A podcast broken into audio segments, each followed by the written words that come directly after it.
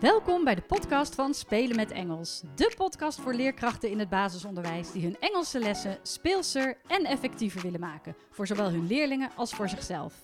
Mijn naam is Lauren en ik vertel je alles wat je wil weten over Engels. Hoe bedenk je inspirerende, afwisselende en communicatieve lessen? Hoe zorg je ervoor dat al je leerlingen betrokken zijn en blijven? Hoe wordt en blijft Engels een vast onderdeel van jullie onderwijsaanbod? Kortom, alles wat je wil weten over Engels op de basisschool. Ik wens je veel plezier met luisteren. Leuk dat je weer luistert naar een nieuwe podcastaflevering van Spelen met Engels. Deze keer een persoonlijke aflevering, dus niet een aflevering die direct te maken heeft met Engels in het basisonderwijs, maar wel een aflevering die voor mij uh, ja, effect heeft op hoe ik in het leven sta en hoe ik werk.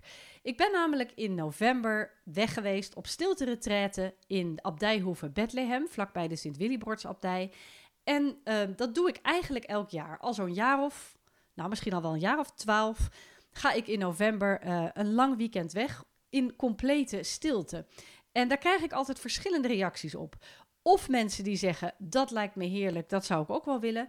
Maar het grootste deel zegt eigenlijk, oh wat vreselijk, ik moet er niet aan denken. En hoe kun je nou vier dagen lang stil zijn? Nou, daarom dacht ik, laat ik daar gewoon eens een podcast over delen. Want het is voor mij een heel belangrijk onderwerp en een heel belangrijk onderdeel in mijn leven.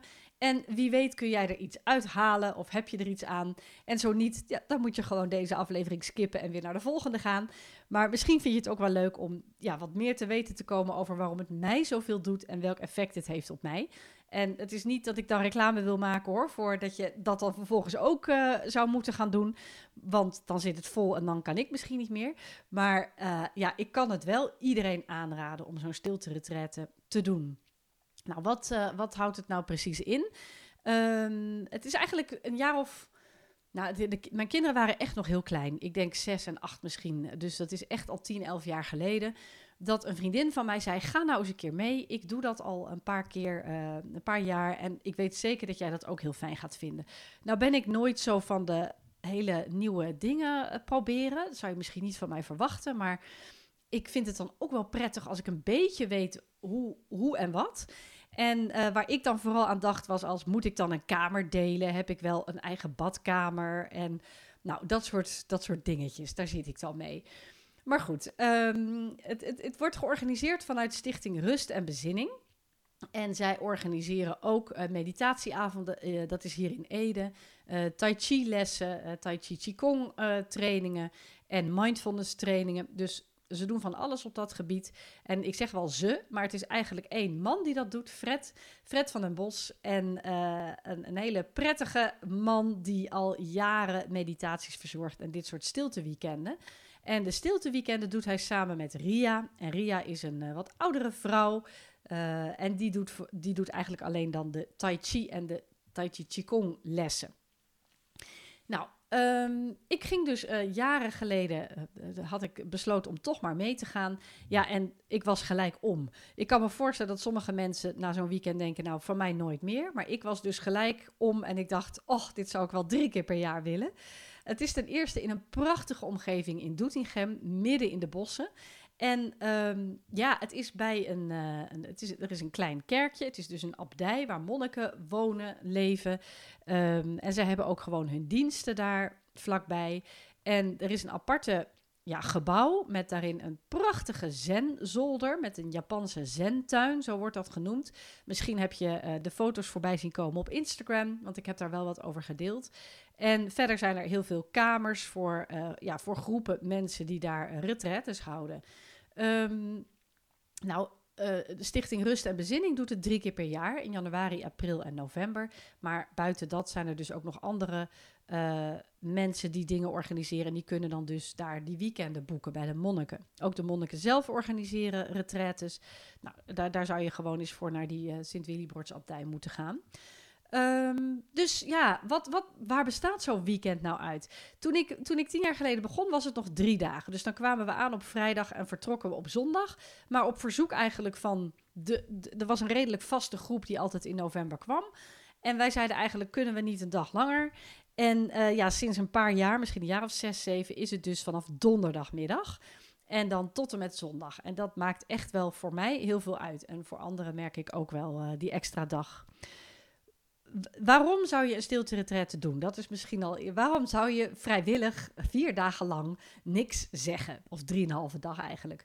Um, ja, in mijn geval is dat toch om letterlijk even tot rust te komen, geen prikkels te krijgen, geen televisie, geen telefoon, geen. Ja, je hebt dan wel mensen om je heen, maar je hoeft niet met ze te praten. Um, geen prikkels van buitenaf, geen werk, geen gesprekken die je voert, eigenlijk helemaal niks. Dus dat is al heel prettig, dat je gewoon even helemaal geen prikkels of geen input krijgt. Over, over input gesproken, dat, is, dat kan je natuurlijk weer linken aan Engels, waarin je juist heel veel input moet krijgen. Wil je überhaupt die Engelse taal kunnen gaan begrijpen en lezen? Maar ik bedoel de input meer in prikkels die je krijgt van de maatschappij, van je dagelijks leven. Ehm, ten tweede is het zo dat, daar, dat we daar dus veel mediteren en uh, tai chi doen. Ehm, en ook in die ja, setting ben je stil en ben je dus een beetje aangewezen op jezelf eigenlijk. Dus het is heel interessant om te kijken wat gebeurt er nu als ik niks mag zeggen. En um, als ik, ja, als ik gewoon niet kan, als ik gewoon niet kan praten, wat gebeurt er dan in mij? En dan heb je natuurlijk ontzettend veel gedachten. Um, nou, bijvoorbeeld, ik kwam, uh, laat ik even het afgelopen weekend als voorbeeld nemen. Uh, over, over die stilte gesproken. Ik kwam wat later binnen, want ik had een, een, uh, een uitvaart die dag. Dus normaal gesproken begint het om vier uur. En dan hebben we een soort van algemeen praatje waarin, de, waarin wordt verteld een beetje wat de regels zijn. Um, ja, wanneer, je krijgt een programma uitgedeeld waarin precies staat hoe laat wat is. Wanneer de, de, de diensten zijn in um, de abdij. Wanneer de meditaties zijn. Wanneer de tai chi is. Wanneer de lunch, diner, ontbijt is. Alles staat eigenlijk in dat programma. Krijg je gewoon op een papiertje mee. En dan worden er nog wat regels verteld van liever geen parfum op. Uh, liever geen rinkelende sieraden. Nou, dat soort kleinigheden. Uh, uh, of kleinigheden, best belangrijke dingen eigenlijk. Um, en vervolgens kan iedereen lekker naar zijn kamer, een beetje de kamer in. En dan vanaf half zes, zes uur is het stil. Ik kwam dus pas om zes uur, dus toen was iedereen al in stilte aan het eten. Nou, dan heb je al de neiging om te zeggen: Sorry dat ik wat later ben. En ik, natuurlijk had ik dat wel van tevoren verteld en mensen wisten het ook wel. Maar je hebt eigenlijk al gelijk een beetje de neiging om je te verontschuldigen of om gedachten te zeggen: Ja, dat kan niet, want het is stil. Dus ik schoof aan bij het eten en ik zat naast een vrouw waarvan ik dacht: Oeh, die heeft mooie nagellak op. Ik, en dan denk je: Oh, ja, dat kan ik ook niet zeggen. Normaal zou ik dat dan even gezegd hebben: mooie kleur nagellak. Kon niet. Ik zat rechts naast een man die ik al ja, jaren ken van de stilte retretes. En die zou ik ook even willen. Zo leuk dat je er weer bent. Of leuk dat ik je zie. Maar ook dat kon niet. Dus dat, dat zet, zet al gelijk de toon. Van, oh ja, je wil van alles zeggen, maar dat kan niet. En welk effect heeft dat dan op mij? Uh, ik ben ook nogal snel van de grapjes maken of de, de, de, grappige opmerkingen tussendoor. Ik heb veel associaties in mijn hoofd. En dat merk ik altijd zeker die eerste twee dagen, dat ik daar de neiging toe heb als ja, als ik een geluid hoor of als iemand, ja, ja ik weet het niet, dan, dan heb je toch snel, je zit in stilte te eten en iemand doet iets, dan, ja, ik heb daar snel dan een grapje over in mijn hoofd. Um, en, en, en ik weet ook nog van de eerste jaren, nu, nu slaap ik daar heel goed, maar in de eerste jaren sliep ik ook vrij slecht daar. En dat je dan eigenlijk het eerste wat je wil doen in de ochtend is tegen iemand vertellen: Ik heb zo slecht geslapen. Weet je, een beetje, een beetje klagen over dat bed of over, nou ja, dat je gewoon maar weinig uurtjes hebt geslapen. Maar ja, dat kan niet. Um, en dan zie je ook dus steeds opnieuw dat dat wegzakt. En dat het eigenlijk helemaal niet zo belangrijk is wat je te vertellen hebt. En dat het helemaal niet hoeft.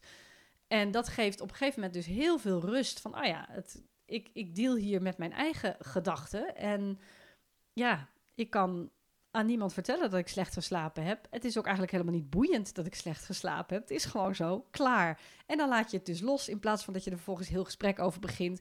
Dat die ander zegt dat hij ook slecht geslapen heeft. En hoe komt dat dan? Bla bla bla. Nou, dan heb je een heel gesprek over iets, nou in dit geval ook vrij negatiefs. Um, ja, en dan, dan zakt dat dus weg. Dus dat is al het, het hele interessante, vind ik. Van je kan dingen niet zeggen. En wat doet dat dan met je? Twee andere mooie voorbeelden van dit weekend waren dat. Uh, er is ook een winkeltje. De monniken hebben een winkeltje. En voor de, ja, er zijn, ze zijn twee jaar geleden helemaal verbouwd, dat, die hele abdij. Want vroeger kon er maar één groep terecht. Nu zijn er dan twee groepen. Je ziet die andere groep helemaal niet, je hoort die andere groep ook niet. Maar er is mogelijkheid voor twee groepen. Um, dus er is het een en ander veranderd in dat gebouw. En dat winkeltje is ook weg. En ik dacht op vrijdag, ik wil eigenlijk wel weten ja, waar dat winkeltje nu zit. Want ik vind dat altijd wel mooi om daar wat even rond te kijken. Mooie beeldjes hebben ze, mooie boeken. Um, maar ja, ik mocht niks zeggen. En ik dacht bijna, ja, ik ga toch vragen, want ik wil dat winkeltje, ik wil het gewoon weten. Maar ik dacht, nee, Lauren, je kan het niet vragen. Dus je bent gewoon stil en pech gehad. Deal er maar mee. En uh, het grappige was dat toen die zaterdag, vlak voor de lunch, uh, Fred, degene die het dus organiseert, die spreekt wel af en toe. Die zegt bijvoorbeeld: uh, de dienst begint deze keer wat vroeger. Of wees er op tijd bij, want uh, de mensen uit het dorp komen ook. Um, nou ja, hij kan heel af en toe kan hij een opmerking maken. Van mij hoeft dat niet, maar ja, de, mensen vinden dat toch prettig. Um, en nu zei hij dus: vanmiddag om half twee gaat het winkeltje open. Het, het zit daar en daar en het blijft open zolang er mensen zijn. Dus toen dacht ik: oh, nou, wat fijn. Heb ik het niet hoeven vragen. En toch weet ik nu waar het winkeltje is en wanneer het open gaat. Dus dat was heel prettig. Een ander voorbeeld is um, op de Zenzolder, waar wij dus allemaal mediteren is een, uh, dat is een schuin dak, dus daar zijn ook balken. En op een gegeven moment stootte iemand vrij hard haar hoofd. En ze riep dus, wat heel logisch is, een eerste reactie, auw. Um, wat er vervolgens gebeurde, was dat vier of vijf mensen zich ermee gingen, ja, dan daarop gingen reageren. Dus, uh, oh, gaat het wel? En oh, wat lastig die balk. En je zit ook precies onder die balk. En misschien moet je je kussen een stukje opschuiven, want en, en vervolgens zei zij, oh ja, dit is al de derde keer dat het gebeurt. En uh, ik zit hier ook eigenlijk niet zo handig. Vervolgens hebben ze een heel gesprek op een zolder waar het gewoon, vind ik, stil hoort te zijn. Um, en ik bleef ook stil, dus ik, ik zag het zo en ik ging bij mezelf na van, wat doet dit nu met mij? En dat is dus interessant, want ik dacht, oh, ik zou ook wel willen reageren, want ze heeft vast, ze heeft echt wel heel erg pijn. En ik kan me voorstellen dat het dan fijn is als er mensen zijn die even meeleven. Maar ja, ik kan niks zeggen. Dus, oh, vindt zij nu van mij dat ik dan niet meeleef? Wat zal ze daarvan vinden? Dat, eh, weet je, dus, uh, maar ja, ik ga niet praten, want uh, ja, jammer dan. Ik leef wel met haar mee, maar ik doe het van binnen en ja, meer niet. Dus het is heel interessant om dan na te gaan, wat gebeurt er nu met mij nu ik niet kan doen wat ik normaal gesproken zou doen? Um, daarnaast gebeurde het ook dat ik dacht: oh, wat vervelend dat iedereen daar nu zo lang op doorgaat en met elkaar begint te praten. Maar ja, dat is een irritatie. Die, ik kan ook niet zeggen: jongens, hou eens allemaal jullie mond dicht. Dus het zijn allemaal inzichten die je krijgt terwijl je zo in stilte zit: van wat doet dit nu met mij? En dat vind ik het prettige van zo'n stilteweekend. Dus dat je niet alleen maar het mediteren en de tai chi, maar juist ook die momenten tussendoor dat je bewust bent van de stilte en van het niet iets kunnen zeggen, het niet kunnen reageren, niks kunnen vragen. En dat kan natuurlijk wel. Het is niet zo'n streng weekend dat je gelijk uh, apart wordt genomen en uh, op het matje wordt geroepen. Die, die weekenden, die stilte-retretes zijn er natuurlijk ook uh, door het hele land. Um, maar, en, en dus zijn er ook inderdaad mensen die af en toe dan toch even fluisteren in de gang of als ze gaan wandelen, dat ze met elkaar gaan wandelen en dan toch gaan praten. Um, ja, ik zou zeggen, doe het niet, want het is juist het effect van het continu stil zijn wat het zo bijzonder maakt, vind ik. Maar goed, um, daar, daarin verschillen, verschillen mensen natuurlijk. Voor sommigen is het al heel knap dat ze überhaupt uh, tijdens de meditaties en tijdens het eten stil zijn. Um, dus dat, dat zijn de inzichten die ik krijg van het, van het continu stil zijn. En je merkt ook dat naarmate je uh, langer daar zit, dat de gedachten steeds minder worden. Dus in het begin, zeker ook tijdens het mediteren, ben je nog aan het nadenken over je werk, over je kinderen. Um, nou, over, ja, over eh, allerlei privé dingen waarmee je zit, familie, vrienden. Eh, dan ben je gewoon in je gedachten nog, nog heel druk met thuis. En naarmate de dagen vorderen, merk je van hé, hey, ik heb eigenlijk helemaal geen gedachten meer, of weinig gedachten, of ik kan de gedachten veel beter stopzetten. Er komt wel een gedachte, maar ik kan veel makkelijker weer teruggaan naar mijn ademhaling. Uh, je merkt gewoon dat het rustiger wordt in je hoofd. En ja, mijn mening is dat veel mensen daar toch te weinig tijd voor nemen, voor die echte rust. Ik mediteer sowieso ja, praktisch elke ochtend eigenlijk wel. Soms 10 minuten, soms 20 minuten. Uh, soms niet als het niet uitkomt, soms een half uur. Dat verschilt. Maar, ehm, en dat, dat heeft ook al effect. Bij mij sowieso op mijn slaap, op mijn, op mijn rust, op mijn dankbaar, dankbaar zijn voor dingen. Maar echt zo'n heel stilte weekend en dan drie keer per dag mediteren, ja, dat, dat maakt het nog intenser en bijzonderder. Nou, hoe ziet zo'n programma er nou uit? Wat ik al zei, uh, je komt als we in, in januari en april is het een driedaagse, maar in, in november dus een vierdaagse. je komt om vier uur aan en dan uh, is er even een introductie. En uh, vanaf half zes, zes uur is het dan stil. Dan gaan we eten. Dan is er om zeven uur een, de eerste meditatie op zolder. En de meditaties bestaan altijd uit um, een half uur mediteren, 25 minuten, half uur medita meditatie. Dan doen we uh, een, een, korte loopmeditatie. Dat is ook op de zolder. Een loopmeditatie betekent gewoon eigenlijk dat je heel bewust heel langzaam loopt. Nou, mensen die mij kennen, vraag maar aan mijn kinderen, die vinden altijd dat ik heel snel loop. Ik ben echt een snelle loper. en um, het lukt me ook niet om langzaam te, te lopen. Ik vind dat gewoon prettig. Dat is gewoon een prettig tempo wat ik zelf heb, vind ik. Maar daar is niet iedereen het mee eens. Maar um, op zo'n stiltezolder dus ben je in één keer heel bewust heel langzaam aan het lopen. En elke stap die je zet, je bent je heel bewust van je. Eerst zet je je hiel neer, de bal van je voet, je tenen. Dan zak je een beetje door je knieën. Dan ga je naar de volgende stap. Um, dat is om even gewoon de meditatie wel door te laten gaan, maar toch even te bewegen. En dan uh, ga je naar een tweede meditatie. Dus dan blijf je gewoon in de meditatie. Je gaat weer op je kussentje zitten, of op je stoel, of op je bankje. Je mag helemaal de meditatie doen zoals jij dat prettig vindt. Dus er zijn kussentjes, stoelen, bankjes. Er is van alles mogelijk om het je zo gemakkelijk mogelijk te maken. Um, dan ga je weer zitten voor, de tweede, voor het tweede half uur mediteren. Dus in totaal is het, uh, nou zeg, uh, een uur, uur en na een uur en een kwartier, uur en twintig minuten meditatie op de zolder. Um, op vrijdag en zaterdag en zondag staan we om zes uur op. Nou, dat is voor mij prima. Ik sta in het dagelijks leven ook om zes uur op. Dan gaat er een, een gong en um, die, die maakt iedereen wakker. En dan beginnen we om half zeven met de Qigong. Dus dat is een soort warming-up uh, waarin alle spieren uh, lekker op een hele rustgevende manier worden wakker gemaakt. Um, en dan om half acht, dus eigenlijk vrijwel daarna, je hebt dan weer even een kwartiertje tussendoor, kun je even een kopje thee drinken, even naar je kamer. En om half acht is er dan de eerste meditatie van de dag. En om kwart voor negen, gelijk aansluitend aan de meditatie, het ontbijt. En dan kun je kiezen voor, nou, ik doe een, eh, een viering in de abdij, ik heb even vrije tijd. Um, dan is er zeker ruim anderhalf uur vrije tijd. Ja, wat ik dan vaak doe is, uh, nou, er ligt daar bijvoorbeeld een Bijbel. Ga ik even de Bijbel lezen. Um, je kunt ook wat, wat yoga-oefeningen doen natuurlijk. Eh, er zijn, er zijn verschillende ruimtes waar dat kan. Ik neem ook altijd wel een, een boek mee. Ja, een, persoonlijk, een, een boek over persoonlijke ontwikkeling. Er wordt ook wel afgeraden om ook überhaupt te lezen. Dat je echt helemaal teruggaat naar, naar, ja, ja, naar de essentie. Um, maar ik neem altijd wel zo'n boek mee en dan kijk ik of ik daar behoefte aan heb of niet. Um, deze keer heb ik dat niet zoveel gedaan, maar wat ik wel bijvoorbeeld dan veel doe is schrijven. Dus uh, ja, hoe de meditaties gingen, mijn inzichten, dat vind ik dan wel prettig. Um, nou ja, dan, dan is er om kwart over elf weer Qigong. Dus dan uh, ga je aan de slag met, met Tai Chi oefeningen. Wat altijd heel prettig is. Dan voel ik altijd heel veel energie. Ja, dan sta je met z'n allen in zo'n ruimte. Nou, dat ken je misschien wel van televisie. Vooral in China doen ze dat natuurlijk. Allemaal dezelfde bewegingen te doen. Dat is zo bijzonder. Ik vind dat echt uh, altijd heel indrukwekkend. En ja, ik, ik voel dan altijd heel veel energie in en om mij heen. Dus voor mij uh, is dat een mooie aanvulling op de meditatie. Nou, dan is er uh, lunch. En dan is er na de lunch weer vrije tijd, zoals ze dat noemen. Uh, ja, doe ermee wat je wil. Lekker wandelen als het kan. Dat doe ik wel heel veel. Veel wandelen in, in het bos, maar ook gewoon soms even op mijn bed liggen en niks doen.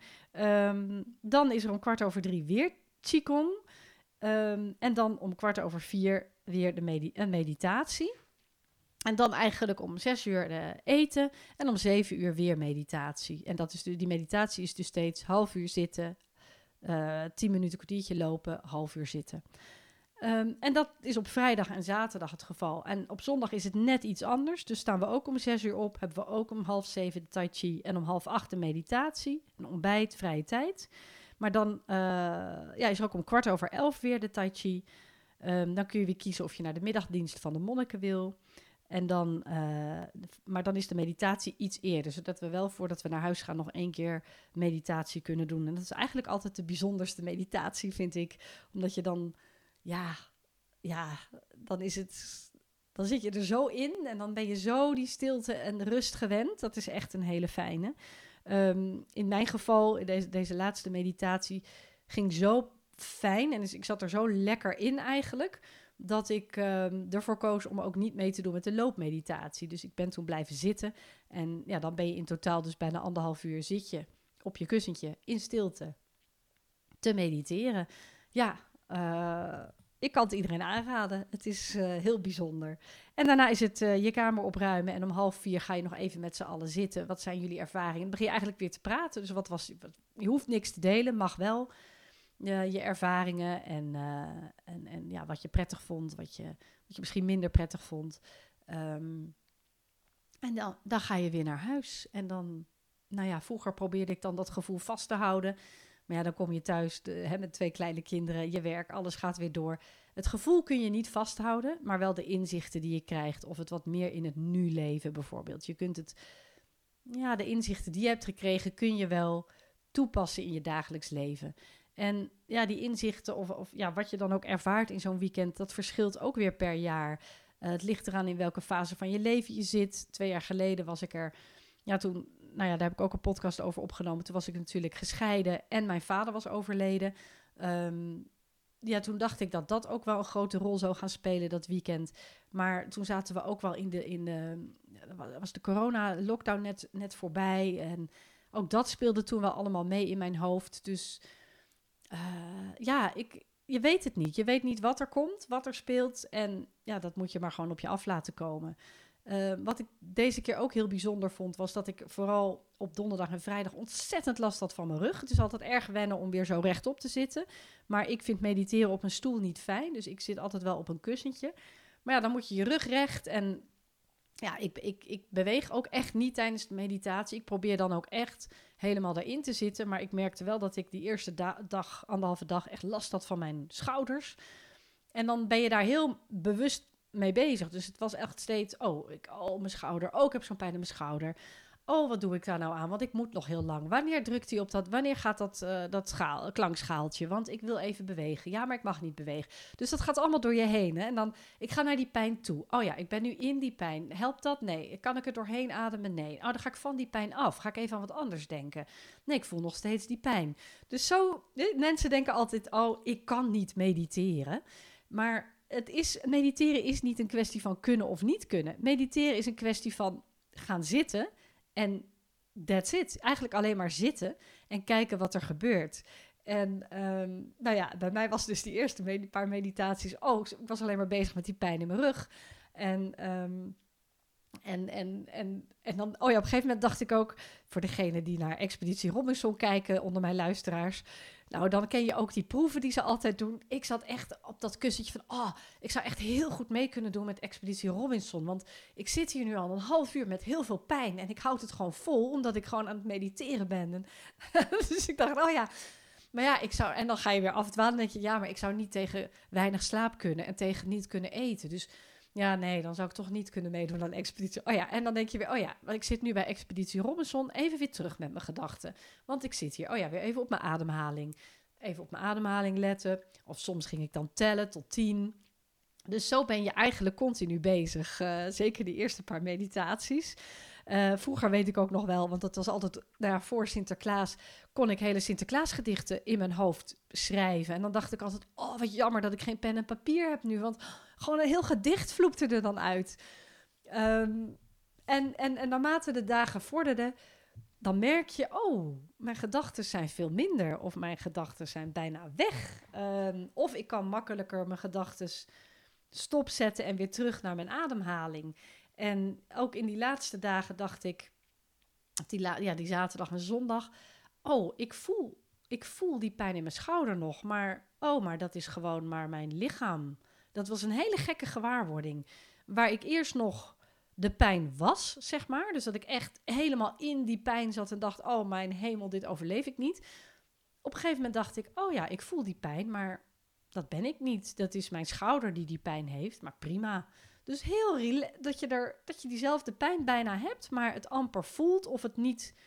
Je bent die pijn niet meer of zo. Ja, het is heel moeilijk te omschrijven. En misschien denk je wel, mijn hemel, Lauren, wat ben jij nou zweverig aan het doen?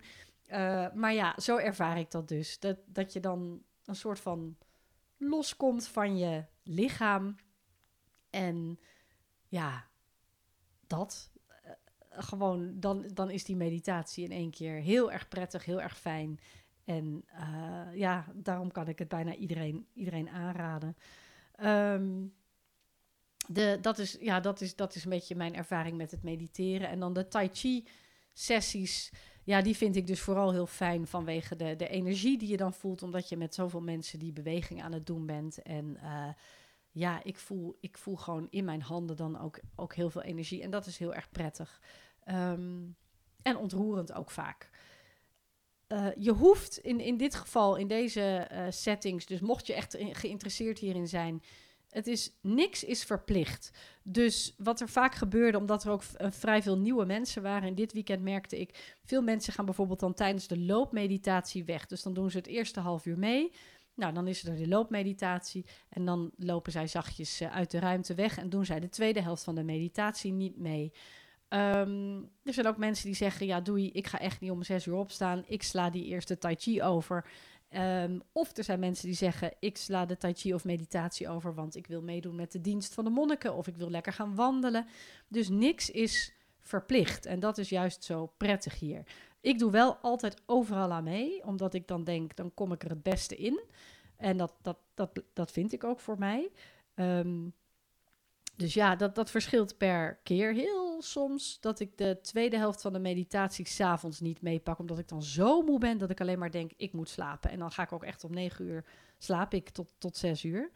Um, maar meestal eigenlijk doe ik wel alles mee, omdat ik dat, het effect ervan zo prettig vind. Dus um, ja, dan ga je zondag naar huis. Uh, ja, en dan moet je even weer resetten, acclimatiseren. Weer even wennen aan de geluiden, het praten. Uh, ja, en dan ben ik altijd heel erg dankbaar voor, voor Fred en Ria die dit organiseren. Helemaal uh, zonder eigen. Zij verdienen hier zelf niks aan. En het is echt een stukje duurder geworden sinds de monniken de, de abdij uh, al hoeven helemaal hebben verbouwd. Um, het is echt wel een stukje duurder geworden. Maar toch uh, nog. En dat vinden Fred en Ria ook heel vervelend. Dat dat, weet je, van ja ze durven het bijna niet te vragen. Maar ja, zij vragen daar zelf helemaal niks voor. Zij verdienen daar zelf niks aan. En uh, ja, zij, zij doen dit vanuit zoveel liefde en met zoveel. Ja, ja, ik vind dat echt heel bijzonder. Het zijn twee hele bijzondere mensen. Um, en het is een heel bijzondere ervaring. Om met mensen die je niet kent, uh, en zeker in de tijd van nu, met al, dat, al, de, al die heftige dingen op het nieuws en oorlogen en nou, de politiek dan nu, terwijl ik dit opneem. Dat is natuurlijk ook een aardverschuiving wat er nu gaat plaatsvinden. Um, ook in die tijden van corona, alles wat er zo speelt in de wereld. En dan zit je daar met z'n, met zestiende op zo'n zolder te mediteren. En, en dan, ja, dan kan ik alleen maar uh, dankbaarheid en liefde voelen en misschien vind je dat zweverig. En nou ja, dat is dan maar zo. Maar ik vind dat een, een hele fijne ervaring in de, in, in de drukte van alle dag. Om even met een groep alleen maar bezig te zijn met stilte. En uh, niet met oordelen. En ja, dat. Dat, uh, dat, vond ik, uh, dat vind ik heel fijn. Dat vond ik heel fijn. Dus ik schrijf mij ook altijd gelijk in november weer in voor de november van het volgende jaar. Uh, ik ben ook een keer in april geweest. Toen, in dat jaar ben ik twee keer geweest. Dat is ook een hele bijzondere ervaring, want dan is het weer natuurlijk in één keer veel beter. Dan doe je, kun je veel meer buiten zitten, ook buiten tai chi doen. Um, dan hoor je de vogeltjes. Het is, het is een hele andere ervaring in het voorjaar. Maar meestal komt april voor mij niet zo goed uit vanwege mijn uh, verjaardag. En uh, dus ja, dat, dat, dat komt haast nooit voor. Dus dat is één keer gebeurd. Maar november is voor mij, uh, die staat voor mij vast. Nou, mocht je interesse hebben, kijk eens op www.rustenbezinning.nl. En kijk dan bij retraites. Uh, maar misschien vind je het ook interessant als je in de buurt van Ede woont... om eens een mindfulness of meditatie uh, ja, eh, cursussen of, of, groepen mee te doen. Maar um, ja, het is, dit is een heel prettig, vind ik, prettig stilte om erin te komen. Juist omdat je die vrije tijd hebt. Je telefoon wordt niet afgepakt. Wordt natuurlijk wel afgeraden om op je telefoon te gaan. Mij gaat dat gelukkig heel makkelijk af. Maar mocht, ja, mocht je dat niet zo makkelijk vinden, nou ja, dan is die telefoon, die heb je gewoon bij je. Je mag boeken meenemen, je mag, uh, ja, dat mag je dus allemaal gewoon doen. Het is niet zo streng. Ze zeggen alleen maar, ze kunnen je alleen maar dingen aanraden. Maar ook die vrije tijd tussendoor is wel fijn. Um, ja, de combinatie van meditatie en tai chi is heel fijn. Het feit dat het in de bossen ligt, het ligt er echt prachtig. Uh, dat je ook naar die, naar die uh, diensten van de monniken kunt. Ja, ja, het is gewoon een heel fijn weekend, kan niet anders zeggen.